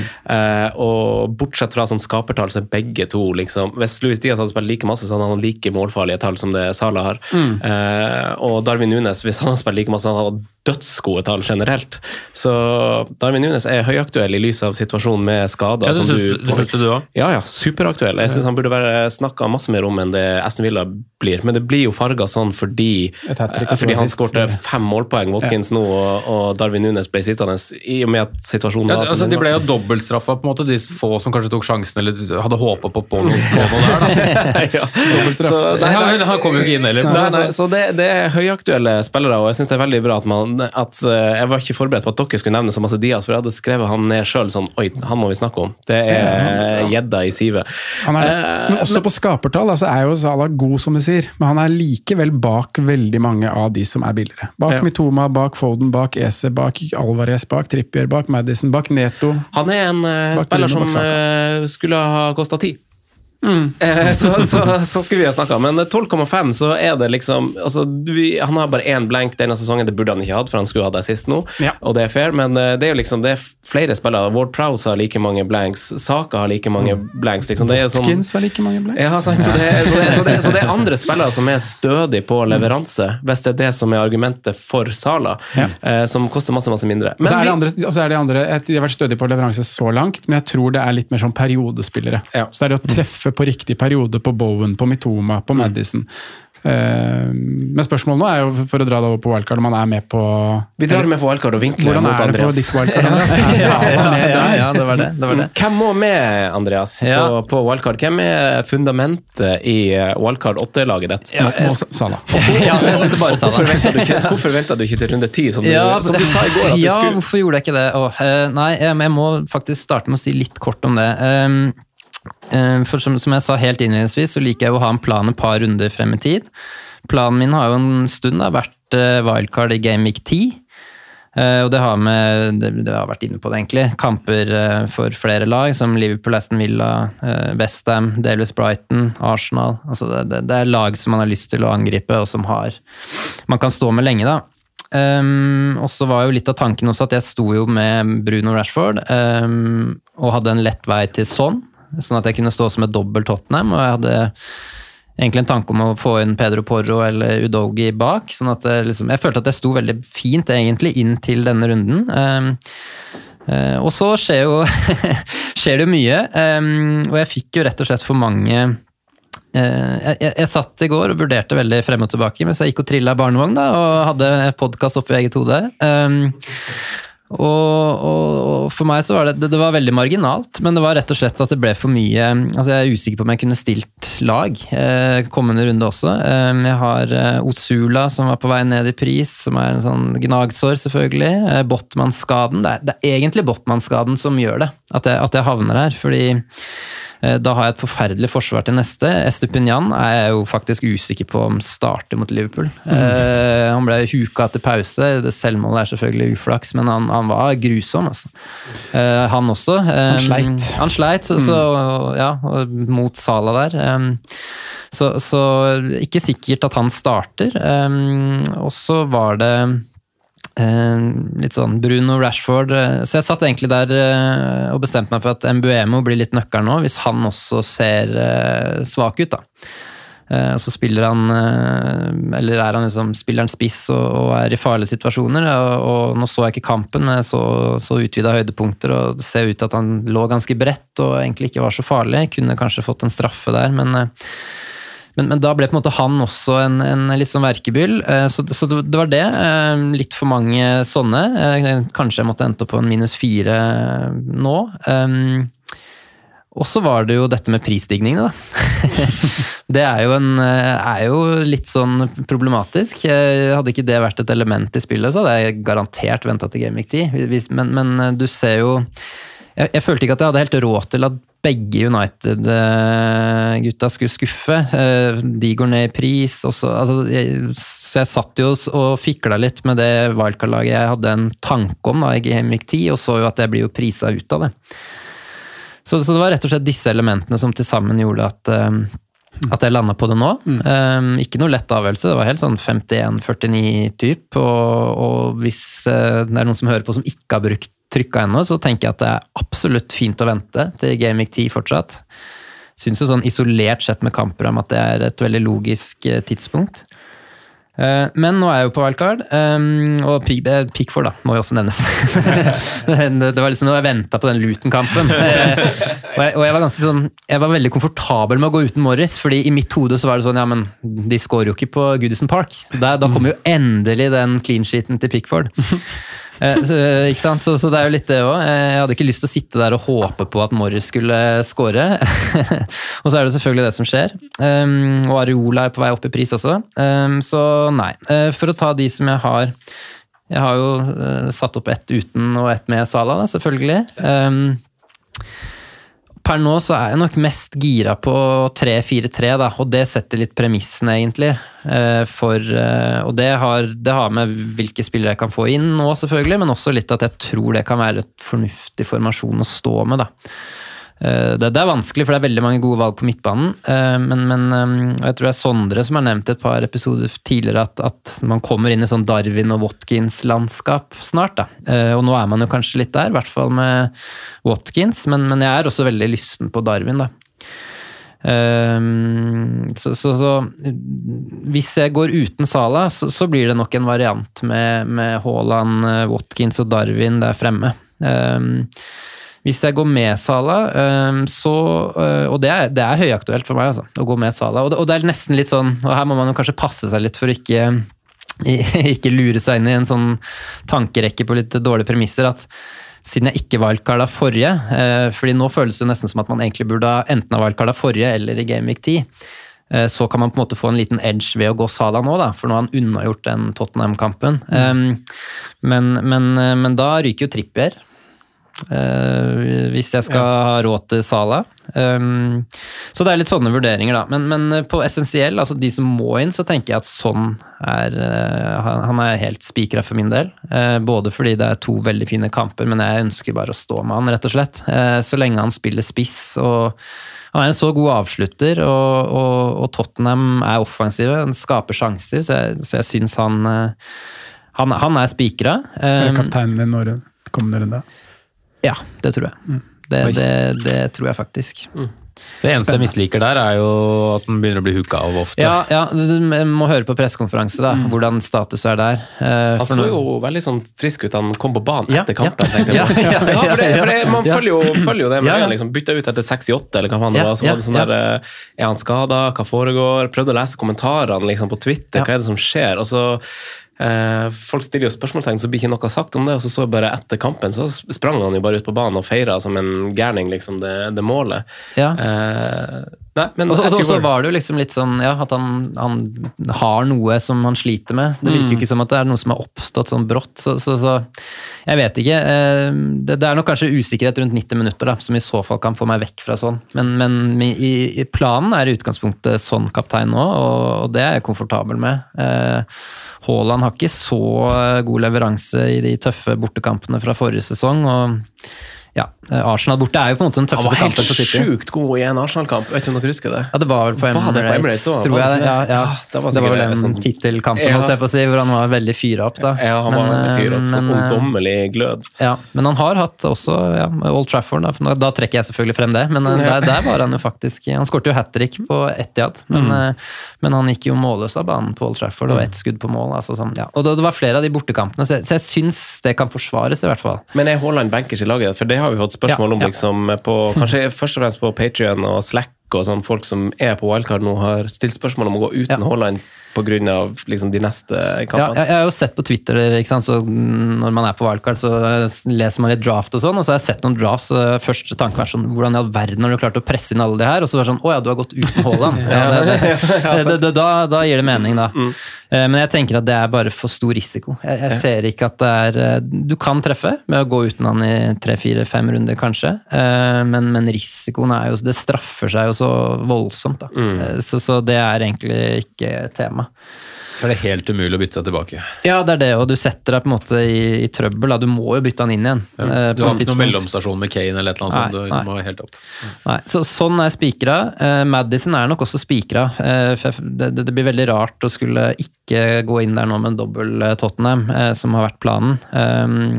Så han er spikra, men kan jo bli ofret for en Saka f.eks. i Gameweek 10. Det kan være en tanke. Eh, Eller så er Matty Cash spikra. Um, det tenker jeg er et fornuftig tidspunkt. Um, også enten Diaby eller Watkins, eller begge. Um, så, så det blir minimum to fra Villa. Uh, men ikke nødvendigvis uh, Jeg så jo den Aston Villa-Brighton-kampen, og, og uh, jeg satt jo i første gang og tenkte at uh, wow, uh, både Diaby og Watkins er nesten litt ett fett hvem du har. Begge er i veldig mye farlige situasjoner, og, og sånn, og så blir det jo veldig utslag da, den ene veien i favør Watkins, selv om, selv om de, ja, det ble målpoeng på begge. Eh, og så er jo Areola Turner.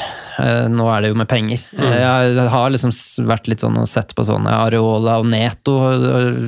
Liksom, funker veldig bra i par og sånn, men, men, men nå er det jo pengene som, som stopper alt dette. Kanskje man kunne ha gjort noe sånt på forrige Hvis man gjorde det som dere, da, wildcarda sist, men, men, men eh, man trenger pengene, rett og slett. Så, så Areola og Turner er jo sånn sett bankers, og så har jeg i alle draftsene til nå eh, Jeg vil ikke si han er bankers, men i alle draftsene til nå så har jeg Mitchell da, fra Crystal Palace. Som en sånn fin 4-5-forsvarer som også kan spilles neste. da. Ja, Han var nær å være med meg i forrige uke òg. Samme her. Kjempenært. Og Archer, hvis det blir to spisser, så er, jo, eh, er det jo fint å få inn Archer da, som, eh, som tredje på topp der. Men eh, Men midtbanen din i Sala-draftet er da Sala, Son det er Sala. Son, Madison, Bowen og Neto. Neto! Ja. Da kommer Neto inn vet du, som, eh, som enabler, og da må jo han spilles da, ja. eh, hver runde. Men, eh, men jeg syns ikke det heller er noe krise. Jeg har også sett på noen varianter hvor man kan presse inn Ese, da. Eh, Så kanskje man kan treffe veldig der, da. Nå, nå, jeg syns han var ganske frisk på Old Trafford. Eh, Fikk jo en assist der. Eh, Etterlengta. Ja, eh, Litt rart å gå han nå, kanskje, men han har sunket i pris. da. Fin kamp nå, så det kan jo være noe som en sånn femtemann. Men, men jeg tror nok det, det- blir vanskelig med penger, så, så det er nok da, da blir nok Neto med, hvis jeg skal ha Sala. Vi skal, vi, skal nok prate litt ESE, spesielt for de som skal ha wildcard i runde ti, og kanskje etter det òg. Når mm. du ser rekka i, i november er Burnley, Everton, Luton, Westham, Bournemouth. Simen, hvem, vi hvem ville du ha hatt hvis du skal sette deg i andre sine? Hvem- Hvordan, hvis, du, hvis vi skal ta en kjapp runde rundt bordet, hvem ville du ha jeg er veldig veldig happy med at eh, Andreas liner opp den angrepstrioen som han, eh, som han gjorde, fordi jeg var ute og, og, og diskuterte litt det i går også. Jeg tror jeg hadde gjort det. gått den angrepstrioen. Fordi ene argumentet er jo det, og så må man jo Det er kanskje litt sånn feil tankegang, jeg vet ikke hva som står i boka. Jeg husker ikke hva som står i boka di, men da angriper du og går en retning som nesten ingen andre kommer seg på. Mm. du, det, er, det skjer ikke at andre sitter med den angrepstrioen der i neste runde. Eh, det finnes altså det er nesten ingen. Så, og det liker jeg. Og så er det sånn Midtbanefemmeren var superinteressant for et par runder siden. Den er fortsatt veldig interessant, men den er bitte litt mindre den er nå. Og så spissene er litt mer interessante enn de var da. Så eh, det var første tanken jeg hadde når vi eh, tenkte i hodet mitt hva vi skulle prate om. vi skulle prate wildcard i dag, at jeg hadde, jeg hadde lyst til å lansere den, men nå gjorde han det for meg, så perfekt. Ehm, og så er jeg jo enig. Jeg hadde tatt med meg Diaby, jeg hadde tatt med meg Cash. Ehm, jeg hadde nok blitt på Madison, jeg hadde, gått, hadde nok gått uten Sala. Ehm, jeg hadde nok sett litt på Luis Diaz òg, men jeg skjønner at det er overilt med to. I hvert fall med den der landslagspausen der. Jeg hadde nok kasta ut Benjan, hvis man ser på mitt lag, da. Trippers Tripper skjønner jeg er vanskelig å kaste, så der også er jeg for da å ikke gå Mohammed Salah-draft, egentlig. Ja, for det blir liksom, eh, da, da blir det Dan Burn, da. ikke sant? Ja. Isteden, og, det, og det blir jo på en måte Det, det- det, det straffer seg med sånne nedgraderinger. Altså. Ja. Jeg- Det er First Price, ja. Det funker i noen, eh, noen eh, I, i tacolefsa. ja. Men det, i det lange løp så er det bedre å kjøpe Jeg, jeg, jeg, er ikke, jeg er ikke sikker på at Kieran Trippier er sånn season keeper, det er jeg ikke. Men jeg er veldig trygg på at man fortsatt skal ha han en liten periode nå. Vi traff jo veldig på at han ikke skulle være med fra start, f.eks. Ja. Det var jo liksom en veldig felles enighet om at vi går ikke han til 6-5 fra start, og så har timingen for mange vært veldig bra da, man har kommet, til, komme seg på til Brentford. Hva ville du, Sondre, hvis du skal ta på Hva ville du inkludert? Nei, ikke så mye mer enn det som er sagt her nå. Så jeg ville jo gått no Sala, da. Det er vel kanskje min eh, statement på akkurat den. Og så um, tror jeg vi har toucha innom alle de navnene som er eh, til vurdering. Jeg tror det har blitt ganske likt det jeg gikk forrige uke. Jeg tror vi ville ha tenkt veldig likt. Jeg har bare skrevet at jeg ville ha liksom sørga for å ha fire til seks spillere fra Liverpool, Villa, Brighton. Eh, Brighton pga. runde ti, egentlig, så jeg tror jeg ville hatt med Estupinian, og jeg tror han er inne, selv om han kanskje altså, Hatt Ja, det- hatt en klart runde men, ti. men det er en, altså, litt usikkerhet om han kanskje starter nå, fordi også Lamptey leverte i den kampen han kom inn. Og samme argumentet som vi bruker Dar Darwin Unius og Luis Diaz i forhold til runde 9. Han spiller jo den samme matchen, ja. og ble benka etter forrige landslagspause. eh, nettopp Paul Trafford. Men i den runden så skal jo de til. Etiad, da, så er det på en måte wildcarder nå, så legger du opp en plan til at han kanskje sitter på benken i runde ni Han- han uansett. skal- han skal Ja, han inn- spiller Det var for derfor jeg lina på forsvarsrekka jeg gjorde med Cash, Udoji og Trippier. Ja. Fordi de kan spille disse tre kampene opp mot runde ti, null stress, og så kommer Estupinian inn fra runde ti. Eh, jeg ville også ha vurdert om jeg skulle hatt med noe Arsenal som jeg kunne begynt å spille fra, for jeg synes jo Du det har faktisk snur tenkt på Raja, ja. Ja. Raja i mål der. Ja. Hvis ikke du vil Er vi på 4-5 der, eller? Nei, 4-7 eller 4-8. litt dårlig timing nå da med City-kampen, men fra runde ti så er det en uh, set and forget. En, en, en lang, lang stund. Men Nei, eh, Diaz Blir det så mye redninger og sånn, da? Ja, det blir jo litt redninger. Stødig seksere på Raja, det tror jeg du får. Stødig seksere Jo, jo, er det mener. Clean, Jeg- clean sheet, men kanskje ikke så masse tror- redning. Nei, jeg tror ikke du får så mye mer enn det. Altså, Men du får vel eh, fort vekk litt bonus hvis de Men det er vanskelig med Areola Ja, og Turner. Og jeg blir jo super superglad hvis down. eh, flest mulig holder seg unna Bernt Leno, den nye favorittkeeperen min. Men jeg syns jo en spiller som jeg nevnte, som jeg syns er litt tricky, det er jo Bowen, da. Jared han, Bowen. jeg trodde du skulle si Eh, noen andre. også. Nei, fordi um, det, det, føler, altså det, det, det, det er jo så riktig å få han inn Sent festen. ja det, ja, det føles litt sånn eh, eh, nå har man bomma, på en måte, ved å sette han inn nå. fordi hjemme mot Sheffield United, så er det jo Da, da får du liksom med deg den. Eh, Men, men jeg har sett litt Westham denne sesongen, og jeg syns Bowen har, han har vært veldig god. Mm. Alt jeg har sett. Altså sånn, eh, og han er jo han er jo main man offensivt. altså sånn, Han er jo i boks og begynte å score på headinger på corner. og det er, det er liksom eh, Så jeg, jeg, jeg, jeg syns det er vanskelig å skulle droppe han, da. Han også Eh, leverer til helga. Ja, jeg sagt han, Morris og Pedro Neto skal levere til helga. Hvis alle de tre leverer, så skal jeg spandere dere noe, bare for å gi feire. men, men ja. Jeg tror jeg ville gått Louis Diaz i den Bowen-spotten på wildcard nå. Men jeg er jo helt enig med at han bare er en sånn setter for guest-spiller som kommer til å levere stødig gjennom hele Men det er å targete de rundene som er enorme oppsider, og de to-tre kampene som kan bli veldig bra, da. Og Diaz sin trekamp. Sant, du får det sagt i dag, Sondre. Vi snakka jo om at vi tror X-Mins er høyere på Diaz enn på Núñez. Ja, jeg, jeg, jeg tror det, fordi det, det tror jeg handler isolert sett om at um, Diogo Jota er ute mot, eh, mot Brighton, så da tror jeg alle de tre faktisk spiller 90. Om, om ikke, om ikke Ben Doke eh, kommer inn siste ti eller noe sånt. Men det er ikke så mange andre alternativer. Harvey Elliot, da. Eh, Og så spiller Yota i runde ni. ja, og da handler det om at eh, Jota er best i midten, Darwin er best i midten, Diaz er best ut til venstre. Hvorfor ikke spille to av tre i favorittposisjonene? Og så har Darwin også en god impact på benk. Kommer inn siste halvtime hvis det butter. Også. Så jeg, jeg tror det, altså. Eh, kan også være villig til å vedde en cola på det. Men man har nesten litt venta på altså Jeg skjønner at du ikke har venta på det, Simen, men eh, altså sånn en Liverpool-skade offensivt der. ja. Fordi da er på en måte veien så mye lettere til Darwin. Da. Det føles mye mer komfortabelt å stå med den. Selv om du har den landslagspausen som er litt lei, så, så, og så skjønner jeg at det er, det er usikkert når Gakpo kommer tilbake, men da har jo Darwin en mulighet til å befeste plassen, da. Ja. Sant? Hvis han leverer, og det tror jeg han absolutt kan gjøre. Og det, hadde, altså, det er veldig tidlig å dra den konklusjonen, men hadde nesten gjort det fram til han fikk den smellen på fredag også. Fordi man så de uttakene i, i, cupene, hvordan man begynte å, liksom, å, å, preppe og rullere, rullere for det her. Da. Og så ser man så stor kontrast i hvor høyt for, uh, motstanderne kan stå med fireren sin med uh, Darwin kontra to andre. Fordi, fordi han river i filler det bakrommet på en annen måte enn det de gjør. da. Spesielt Cody Gakpo, som er mye mer eh, trekker nedover. Vi må nesten videre i programmet, gutter og jenter. Ja, men du skulle dra fram én spiller som var, kunne være den litt nye vinen, kunne ikke det? Fra runde ti? Brighton eh, Ja! Og, en, en, en, Og jeg har en nå, faktisk. Jul, men Julian Alvarez, da? Han Ja. hadde droppa nå.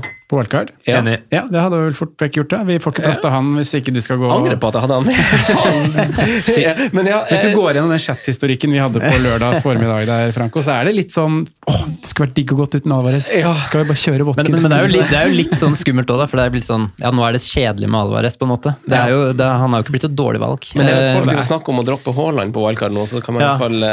Det er jo nettopp det. Da går det greit å droppe Alvarez. Ja. for å ja, ja. Han, han er jo ikke veldig aktuell for meg, altså. Jeg må si det. Eh, det, er rart å skulle kjøre han på wildcard eh, for å få med seg Arsenal borte, liksom. Men du hadde en joker. Ja, eh, jeg har jo tatt med meg noen tall da, når jeg, når jeg får lov til å være her. og um, XG per 90, um, så er det jo en Det er fordi han ikke har spilt så mye, da. Men der er jo faktisk Ansufati eh, øverst, eh, med 1,40. Eh, og på skudd per 90 så er også Ansu Fati øverst på 6,2. Så er Darwin rett bak, da på 5,7. Eh, Darwin er jo også høyt oppe på mål per, per 90. Eh, dette er noen tall fra Fotmob, da. Eh, og jeg så jo som sagt Aston Villa Brighton, og, og Ansu Fatu. det er, noe, det er jo ikke noe jeg tenker på på wildcard nå. Uh, men han var veldig frisk. Eh, Jeg syns han hadde et veldig bra, bra innhopp. Og nå har det vært veldig mye rullering da, fra Di Serbi, og det er Europa og sånn, så, så det er jo veldig sånn wait and see, da. Eh, Men jeg har en liten sånn magefølelse på at han kan bli aktuell, i hvert fall på et tidspunkt. Og Brighton jo, får jo ganske bra kampprogram fra, fra runde ti, så hvis han plutselig skulle liksom befeste en plass i laget, da, så, så gir han en liten eh, stjerne i margen. Spåkulevalg er noe vi liker veldig godt, eh, Andreas. Det er most welcome. Sondre, du skal selvfølgelig Kan jeg ta spåkulevalg, jeg òg? Ja, ja, ja, ja, Fordi vi, vi liker jo å spå den nye vinden, og hvis Ansu Fati da kanskje er en av de to spillerne som får mest poeng i, i runde ti, Andreas, da har de Bak Pedro Neto og. Morris Nei, det, det, det, det, det, den er den ikke runde ti, han som får mest poeng i runde ti, er en Villa-spiller vi ikke har snakka om ennå. Jacob Ramsey. Ja. Husker det vi snakka om han i preseason? Ja. Mm, Seks skåringer og åtte assist i fjor. 14 Nei, Ni av de 14 målpoengene han hadde, de kom fra mars og inn. Og så er han veldig kul. Så er han veldig kul, spiller venstrekant. Starta på benk, da, nå. Ja, men han har vært ute med skade, vet du. Ja, ja. Kommer inn, han kommer Ja, til å har spille seg lite i denne sesongen. Ja, han kommer til å spille seg til fast plass i det ville laget og bli en vi kommer til å snakke om fra runde ti. Ramsey og Fatih, da. Fra runde 10. Veldig bra. Da må vi gå videre til eh, våre spaltegutter. Og så hopper vi til spalten.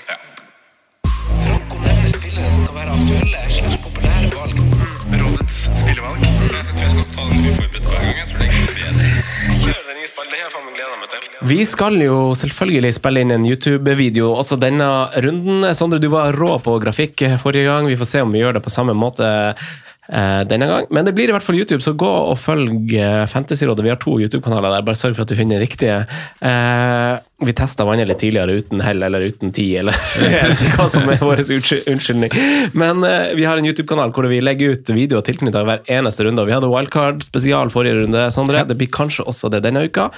Eh, og det blir sikkert tema også på Patreon, så hvis du ikke er det, så kan du klikke i linken på eh, bioen vår et eller annet sted i sosiale medier, eller selvfølgelig på YouTube i eh, beskrivelsen. Jeg holdt på å si description. Men apropos eh, algoritmelaget vårt, Ultron, han eh, Rådets algognomer som befinner seg i Rik onkel-pakken, eh, ligaen som som Det hadde vært veldig deilig om han sa Ansu Fati, da. da hadde jeg følt meg kul. Eh, det er ikke Jo, det, altså, det var ikke lyn fra klar himmel eh, hva han ønska at vi skulle gjøre denne runden. Eh, han har en god runde, noch einmal. Han er på 183 000 overall og har igjen Han får inn Madison fra benken for Guardiol. Eh, Så da havner han på 64 poeng og har igjen Trafford i mål. Og eh, Morris. Eh, så han har jo fått Han har jo Ødegaard. Han har Saka, og han har Gabriel Trippier. Og han har til og med minuspoeng på Ruben Diaz er dobbel City bak. Eh, Men han ønsker foreløpig Det her endrer seg gjennom uka, så det blir også et tema på Patreon hva datamaskinen mener er best å gjøre. Eh, Med europeisk informasjon så vil det kanskje være eh, nytt, matnyttig for noen, men han ønsker i hvert fall foreløpig at vi skal ta ut Saka og sette på Son. Beholde Ødegaard, altså. Beholde Bruno Fernandes for de som måtte være interessert i det dilemmaet og bruke, bruke det her som tunga på vektskåla i sitt eget valg.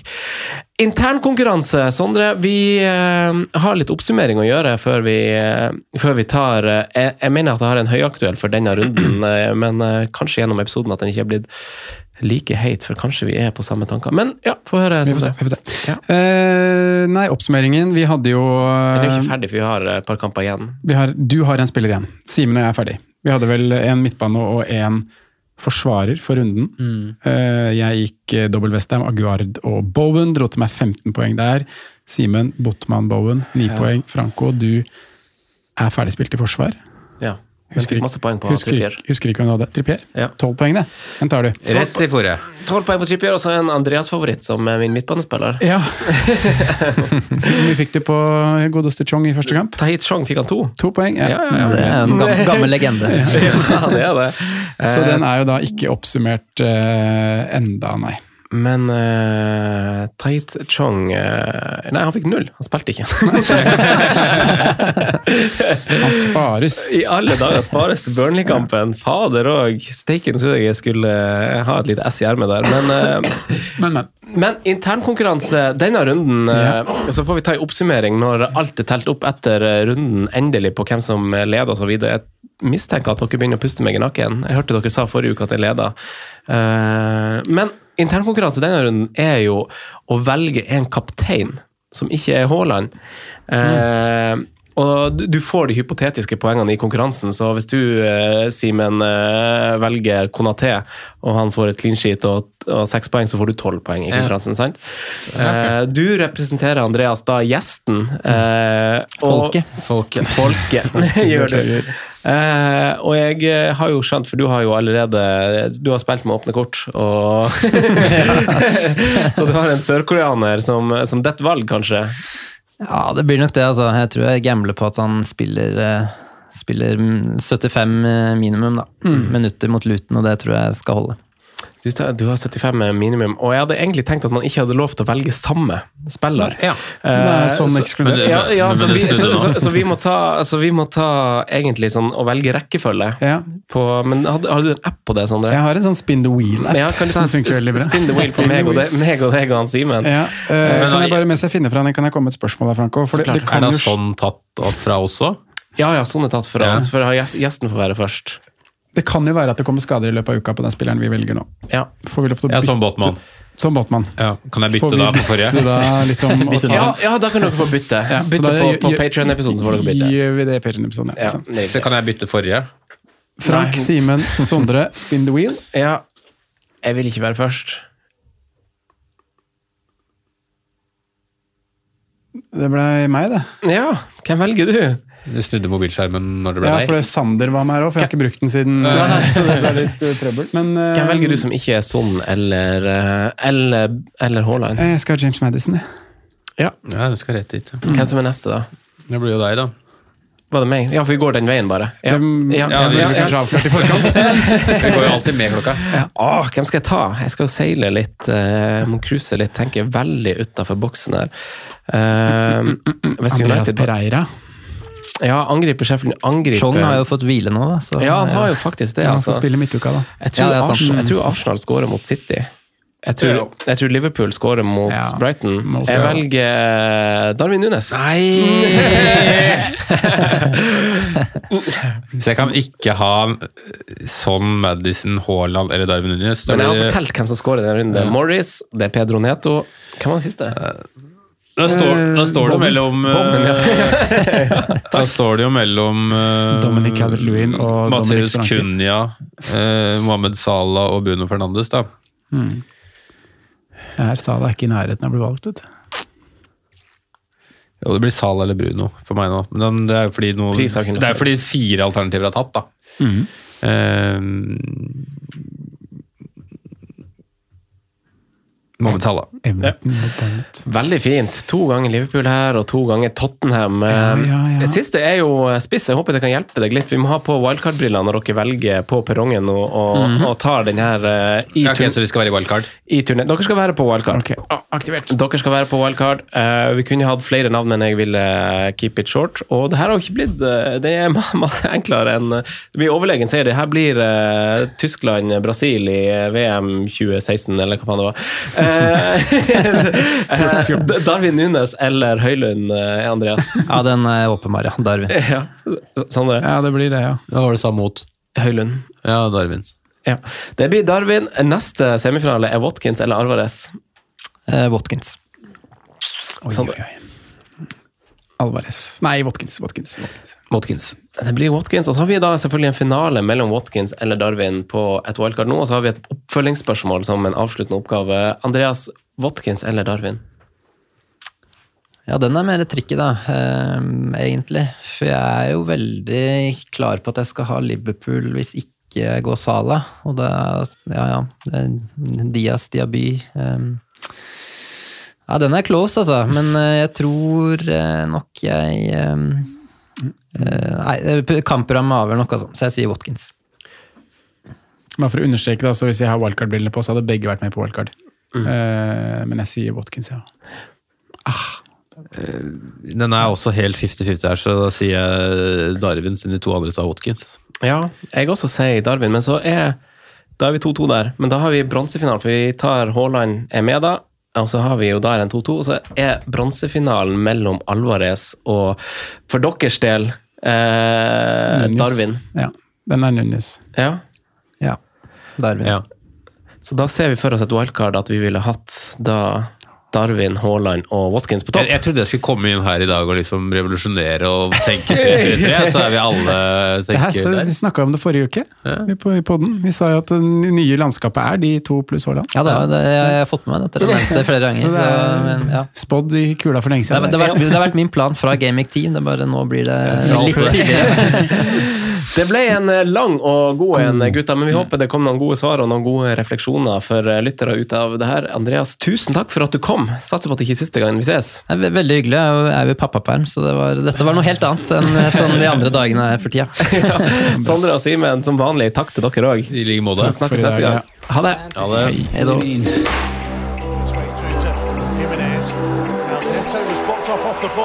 Jimenez might go in line.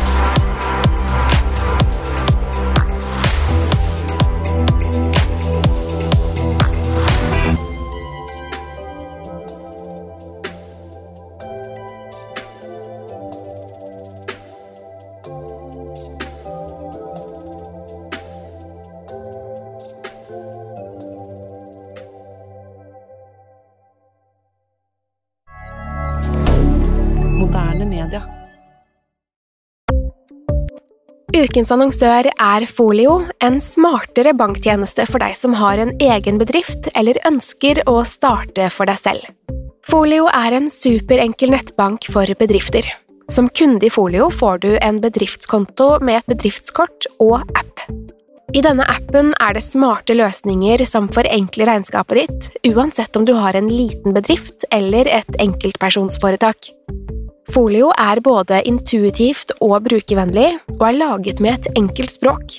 I tillegg tilbyr de forutsigbare priser og ingen skjulte gebyrer. Skulle du likevel trenge det, så kan du snakke med deres raske og hyggelige kundeservice, og der får du prate med en faktisk person og ikke en chatbot. Folio er med andre ord både enklere og koseligere enn banken. Over 10 000 bedrifter har allerede valgt Folio som sin banktjeneste, så besøk folio.no og se hvordan Folio kan forenkle din hverdag også. Har du et enkeltpersonforetak eller en liten bedrift? Da er du sikkert lei av å høre meg snakke om hvor enkelt det er med kvitteringer og bilag i fiken, så vi eh, gir oss her, vi. Fordi vi liker enkelt. Fiken superenkelt regnskap.